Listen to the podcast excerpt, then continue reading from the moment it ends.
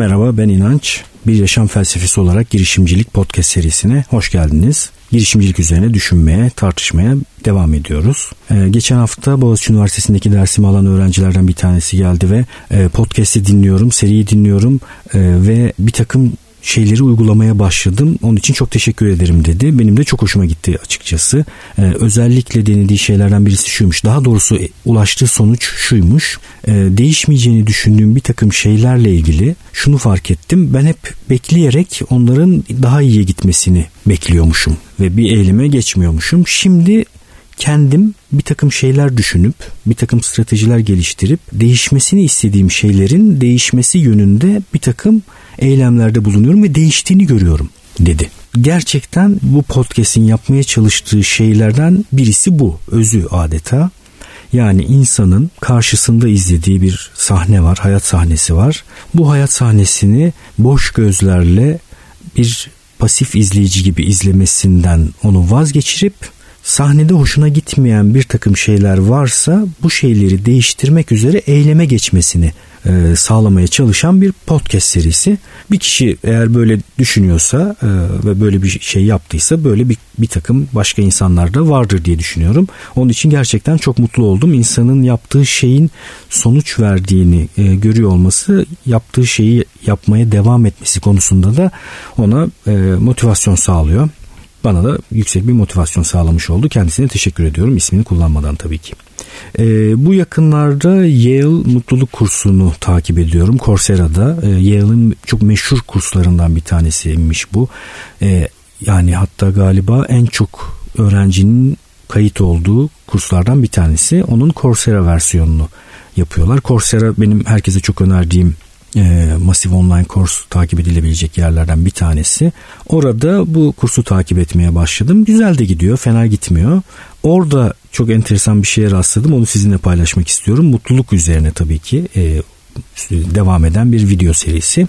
Mutlulukla ilgili bir takım şeyleri paylaşıyor profesör e, ve onlardan bir tanesi de şu. Aslında bizi mutlu edeceğini düşündüğümüz ama bizi mutlu etmeyen şeylerden bahsediyor. Ee, mesela para onlardan birisi. Yani paramız arttıkça mutluluğumuzun artacağını düşünmekle düşünürüz. Ama yapılan araştırmalar bunun böyle olmadığını gösteriyor. Tabii ki bir miktar e, arttıkça mutluluk da artıyor belli bir noktaya kadar ama belli bir noktadan sonra artık paranın artışı mutluluğu arttırmıyor. Amerika için mesela o 70-75 bin dolarlık bir para e, yani işte 250-300 bin liralık bir yıllık kazancınız varsa bu noktaya kadar mutluluğunuz bu parayı kazanmaya başlayana kadar artıyor. Ama 250-300 bin lirayı geçmeye başladığında geliriniz mutluluğunuz aynı oranda artmıyor. Hatta düşebiliyor, artmayabiliyor enteresan bir şekilde. Tabi e, daha az gelişmiş ülkelerde e, başlarda paranın artışıyla birlikte mutluluğun artışı biraz daha yüksek. Neden? Çünkü en nihayetinde temel bir takım ihtiyaçları karşılayabiliyor olmak insanlar için önemli. Bence mesela e, insanın e, en azından bir 3-5 sene kadar çalışmak zorunda olmadan çalışıyor olması çok değerli. Yani ekonomiye mahkum olmadan çalışması, değer üretmeye çalışıyor olması çok değerli. Ben zaten girişimci dünyasını bu nedenle seviyorum. E, keyif aldığı için, anlamlı bulduğu için, kendi becerilerini geliştirdiği için insanların bir takım işler yapması bence çok değerli. Para onun bir yan sonucu olmalı. Ekonomiyi tamamen denklemden çıkaramıyoruz çünkü hayatımızı kazanmamızın göstergesi ekonomi üretiyor olmamız. Yani eskiden işte insanlar ne bileyim mağaralarda yaşayıp dışarı çıkıp avlanarak bu hayatta tutunurlarmış, bu hayatta kalırlarmış. E artık bizim dışarı çıkmamız ve avlanmamız gerekmiyor ama başka şeyler yapmamız gerekiyor avlanmaktan daha zor bazıları bence bu arada. Yani modern çalışma hayatını avlanmaya yakın buluyorum işte. Ne bileyim avlanmaya çalışırken karşınıza yırtıcı hayvanlar aslanlar çıkabileceği gibi iş hayatında iş ortamında da böyle bir takım yırtıcı insanlar çıkabiliyorlar. Sizi yemeye çalışabiliyorlar yani vahşi bir ortamın içerisinde rastlayabileceğiniz bir sürü şeye günümüzde de rastlamak mümkün. Dolayısıyla ekonomiyi denklemden çıkarmamamız gerekiyor. Ekonomi bize şunu söylüyor. İnsanlar senin yapıp ettiklerine belli bir değer biçiyorlar. Şunu söylemiyorum tabii ki asla. Yani e, yapılıp edildiği halde hiçbir maddi değer görmeyen eylemler değersizdir demiyorum. Sadece elimizdeki şu an kullanılabilir tek denklem bu olduğu için bunu hayatımızdan çıkaramayacağımızı söylüyorum. Yani ekonomi içerisinde bir kendimize yapıp etme biçimi bulmamız gerekiyor. İşte mesela mutluluk sorulduğunda mutluluğu artırıcı bir faktör gibi görünmekle birlikte e, yüksek para, paranın kendisi tek başına o mutluluğu sağlamıyor. Sonra bir başka şeye bakmışlar. Çok enteresan bir araştırmadan bahsetti yine dersi veren kişi. Büyük ihtimalle önümüzdeki bölümlerde de size bu dersten bir takım ilham verici noktalar paylaşacağım. Çünkü iyi gidiyor, iyi başladı. Şu anda takip edebiliyorsanız takip etmenizi de öneririm. Dönem dönem açılan bir e, kurs. Coursera'da açılıyor. Şunu incelemişler olimpiyatlarda madalya alan insanlara bakmışlar. Altın, gümüş ve bronz madalya alanlar. Fotoğraflarını incelemişler ve çok büyük sayıda fotoğrafı incelemişler. Videolara bakmışlar. Altın madalya alanlar inanılmaz mutlu fotoğraflarda. Gümüş madalya alanlar bayağı mutsuz duruyor. Yani daha doğrusu şöyle altın madalya alanlara göre buruk bir sevinçleri var. Bronz madalya alanlar ise gümüş madalya alanlardan bir tık daha mutlu görünüyorlar. Çok enteresan. Yani e, muhtemelen şöyle altın madalya alan zaten birinci olmuş. Altın madalya almış inanılmaz sevinçler içerisinde. Gümüş madalya alan şunu düşünüyor. Biraz daha uğraşsaydım, bir, biraz daha öne geçseydim, biraz daha çabalasaydım orada ben olabilirdim, altın madalyayı alabilirdim diye kendisini altın madalya alanla karşılaştırıyor. Bronz madalya alan ise of be iyi yırttık vallahi yani hani şu son deparı atmasaydık dördüncü falan olabilirdik madalya falan da alamazdık diye altın alanı hiç görmüyor gümüşü hiç görmüyor kendisini başkalarının önüne yırtıp geçmiş birisi olarak gördüğü için böyle muzip bir sevinç içerisinde enteresan bir şekilde. E, dersi veren kişi de zaten şunu söylüyor. Mutlulukla ilgili böyle enteresan bir karşılaştırmalı e, kendine mutluluk belirleme durumu var yaptığınız işin sonucu tek başına sizi ilgilendirmiyor da benzer durumdakilere bakıyorsunuz. Yani gümüş madalya alan ikinci olduğuyla ilgilenmiyor sadece ya da üçüncüyü geçtiğine bakmıyor. Birinci olamadığı için, kendisini birinciyle karşılaştırdığı için bulunduğu noktadan biraz daha olması gerekenden daha az mutlu. Enteresan. E, mutluluk konusu gerçekten ilginç. E, bu podcast'te e, seride benim size söylediğim noktalardan bir tanesi şuydu. Şu üçlünün hayatta bulunmasının mutluluğu kolay sağladığını yapılan e, araştırmalar aslında e, bir kitap bunu söylüyor. Dan Ariely'nin kitabı. Otonomi, ustalık, mastery bir de purpose, amaç. Yani bir amacınız olacak bir, bir işin içerisindeyken o işin e, o işte neleri yapıp ne zaman yapacağınıza otonom olarak kendiniz karar verebiliyor olacaksınız. Bir takım özgürlükleriniz olacak. Bir de o işte ustalaşabiliyor olacaksınız. Bir yandan bu mutluluk kursu devam ederken bir yandan da yapay zeka üzerine araştırmalarım devam ediyor. Benim felsefeden de biraz ilgilendiğim bir alan. Şu anda e, Aristo'da öğrenme üzerine bir doktora tezi yazıyorum. E, daha önce Gödel Eşerbah kitabını keyifle okuyup bir sürü insana tavsiye etmiş birisiyim. Orada da aslında benim o kitaba ulaşmamı sağlayan Gödel'dir. Kurt Gödel'dir. Çok iyi bir matematikçidir. E, eksiklik teoremi diye bir teoremi vardır. Efsane bir teoremdir. E, sonuçları açısından da çok efsanedir. E, Bach yine çok enteresan bir müzisyen. Eşer de enteresan bir grafik sanatçısı. Bu üçlünün önemli özelliği şu. E, yapay zeka ile ilgili temel problemlerden bir tanesi insan insan kendine referans edebilen, referans göster kendi kendini referans olarak kullanabilen bir varlık. Yani mesela kendi yapıp ettikleri üzerine düşünebiliyor. Kendi geçmişi üzerine düşünebiliyor, geleceği üzerine düşünebiliyor. E, ama diğer sistemlerde kendine referans göstermek bir takım sıkıntılara yol açıyor. Mesela Escher'in çok meşhur grafik eserleri vardır bilirsiniz. İşte birbirini çizen eller eseri vardır. Teknik olarak çizilmiştir ve mümkün gibi gözükür kağıt üzerinde ama biraz üzerine düşününce çok enteresan bir şey olduğunu fark edersiniz. Ya da yukarı mı çıktığı aşağı mı indiği belli olmayan birbirine bağlanmış bir kısmı yukarı çıkan bir kısmı aşağı e, inen merdivenleri vardır. Eşer'in grafik eserlerine e, daha önce bakmamış olanların kesinlikle bakmasını öneriyorum. Çok böyle zihin açıcı bir tarafı vardır. Bach'ın da ben müzik teorisini iyi bilmediğim için bunu tam anlamamıştım ama az çok benzetmeyi anladım. Bach'ın da eserlerinde eser başladıktan sonra bir melodi üzerine başka daha sonra başlayan bir melodi o melodi üzerine konuşmaya başlayabiliyormuş. Yani daha önceki melodilere referans gösteren bir takım ileri e, melodiler kullanılabiliyormuş. Yani kendi kendine referansı müziğin içerisinde barındıran biri Bach diyor kitap kitabın yazarı. Gödel'in özelliği de bu. Gödel'de e, matematikle ilgili rakamsal ve cümlelerin içinde bulunduğu her şeyi sembolleştirerek önermeler üzerine kendi kendine referans eden bir önerme e, yazarak bunun imkansız olduğunu göstererek e, aksiyomatik sistemlerle ilgili bir e, şey söylüyor eksiklik teoreminde. Üçü birbirine benzediği için kullanılmış olan bir kitap. Ve orada bir miktar yapay zekadan da bahsederdi. Yapay zeka benim bayağı bir ilgimi çekiyor şu son dönemde.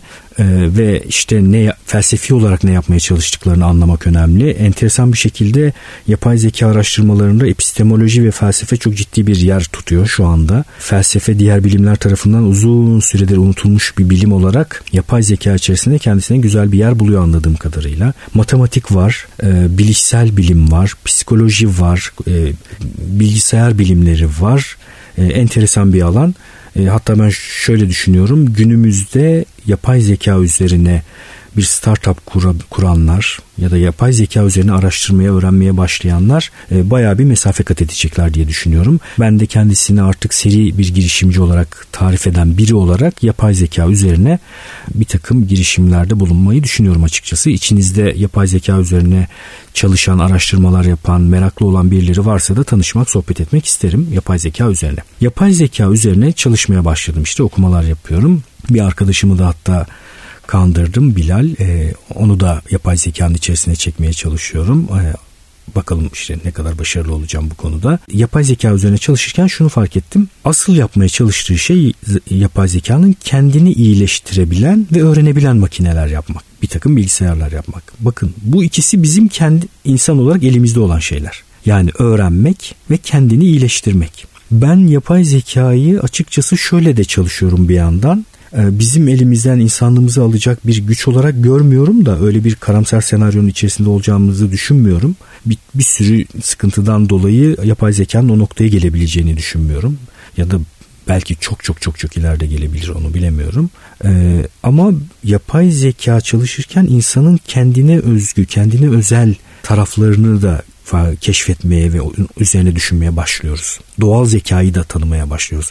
Doğal zeka diye bir tabir var mı bilmiyorum ama yoksa da ben uydurmuş olayım. Yapay zeka çalışırken biraz da kendi üzerimize de düşünmüş oluyoruz. Yani bu ikisi öğrenmek ve kendini iyileştirmek. Çok önemli şeyler. Bu podcast'te de merkeze aldığımız iki tane kavram.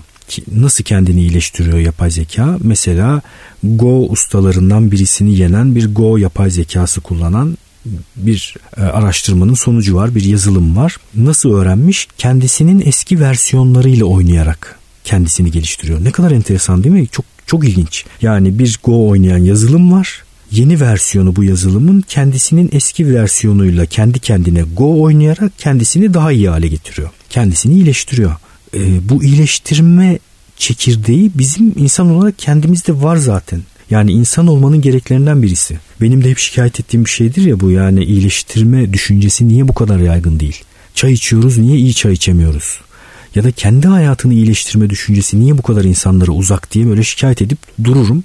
Bu nedenle belki de şikayet edip duruyorum insanı insan yapan şeylerden birisi iyileştirme. Yani insan kendisini sürekli yeni versiyonları olabilen bir şey olarak görmeli. Ben artık bütün işte yazılımım kurulmuş durumda ben böyle bir makineyim demenin ne gereği vardır? Öyle bir şey değiliz ki. Yani ben DOS'ta devam ediyorum. Windows'a geçmeyeceğim demek gibi bir şey yıllar yıllar sonra. Ee, insan öğrenebiliyor. Yani growth mindset'te de bundan bahsetmiştim daha önce. Büyüme zihin yapısına sahip insanlar kendilerinin bir konuda daha iyi hale gelebileceğini biliyorlar. Zaten nasıl e, aksini düşünmek mümkün onu da pek anlamıyorum açıkçası bu arada. Daha önce söylemiştim. Her gün bir saat sadece tek bir eylemi yapan birisi 100 gün sonra o eylem açısından daha iyi bir hale gelir. Daha iyi biri olur. Bu kadar basit. Ne ise o eylem. Yani çok fazla karıştırmadan benzer eylemleri tabii ki yapmak gerekiyor.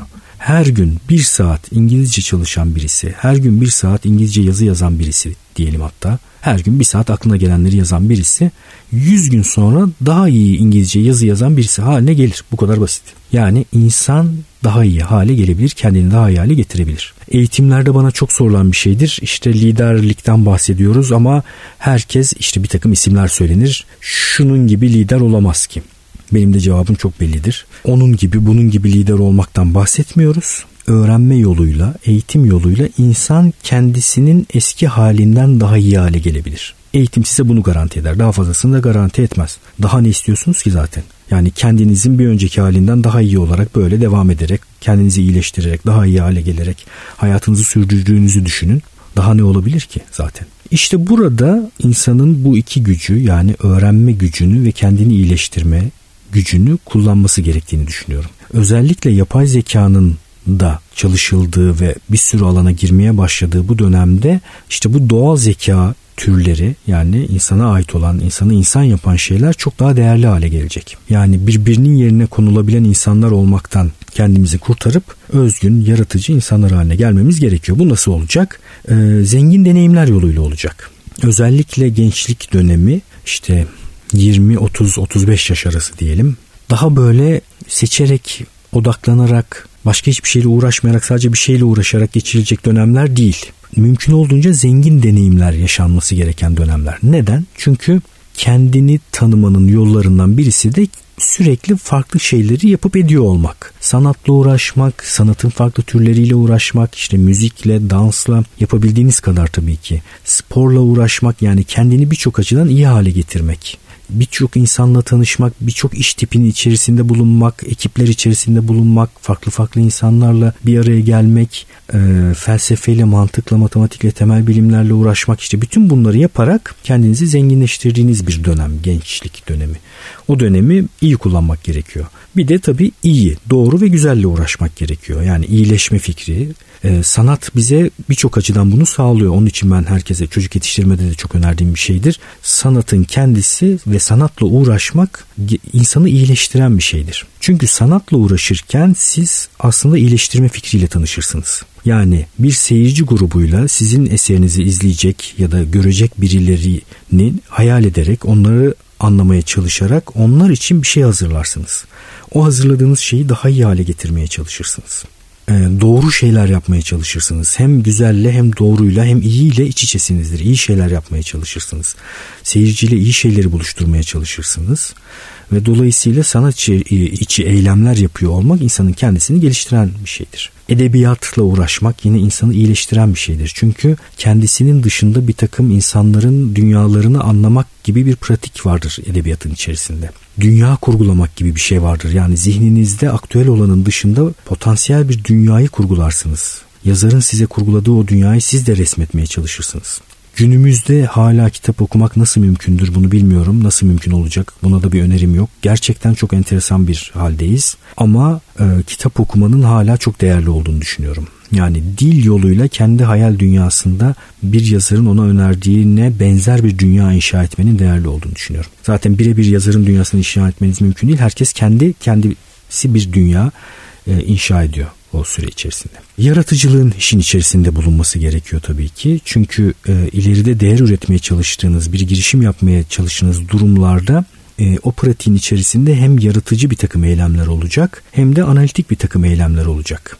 E, ben bunu şöyle anlatıyorum. Başta bir takım fikirleri ve unsurları açmanız gerekecek mümkün olduğunca çeşitlendirmeniz, zenginleştirmeniz, çağrışım kullanmanız, yaratıcılık kullanmanız belli bir noktaya ve optimum noktaya geldikten sonra da kapatmanız, daraltmanız gerekecek. Yani o fikirleri gruplandırıp, önceliklendirip aralarından seçerek bir sonuca doğru götürmeniz gerekecek. Bu nedenle zaten e, günümüzde e, eskiden başkaları tarafından haylaz olarak görülen, maymun iştahlı olarak görülen, e, dersleriyle ilgilenmeyip sanatla, tiyatroyla uğraşan insanlar şu anda her biri yavaş yavaş bir takım vazgeçilemez yerlere geliyorlar ve gelecekler. Ben eskiden de bu insanların zaten e, hak ettikleri değeri bir şekilde bulduklarını düşünürdüm ama günümüzde bayağı taşlar yerine oturdu. Yani böyle hayatını zengin deneyimlerle geçiren öğrenciler ve insanlar günümüzde ve ileride 5-10 sene sonra daha iyi işler yapabilir hale gelecekler. Daha önce söylemiştim Kevin Kelly'nin dünyayı geliştiren, şekillendiren 12 kuvvet kitabında bahsettiği bir şey vardır.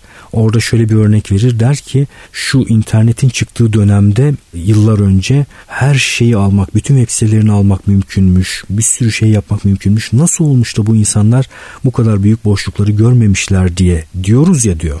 İleride de yapay zeka konusunda insanlar bize diyecek ki 30 sene sonra belki ya 2017, 18, 15 o, o yıllarda yapay zeka alanında bu kadar boşluk varken bu insanlar nasıl olmuş da görmemişler? Nasıl bir harekete geçme konusunda motivasyon duymamışlar? Anlamak mümkün değil diyecekler diyor.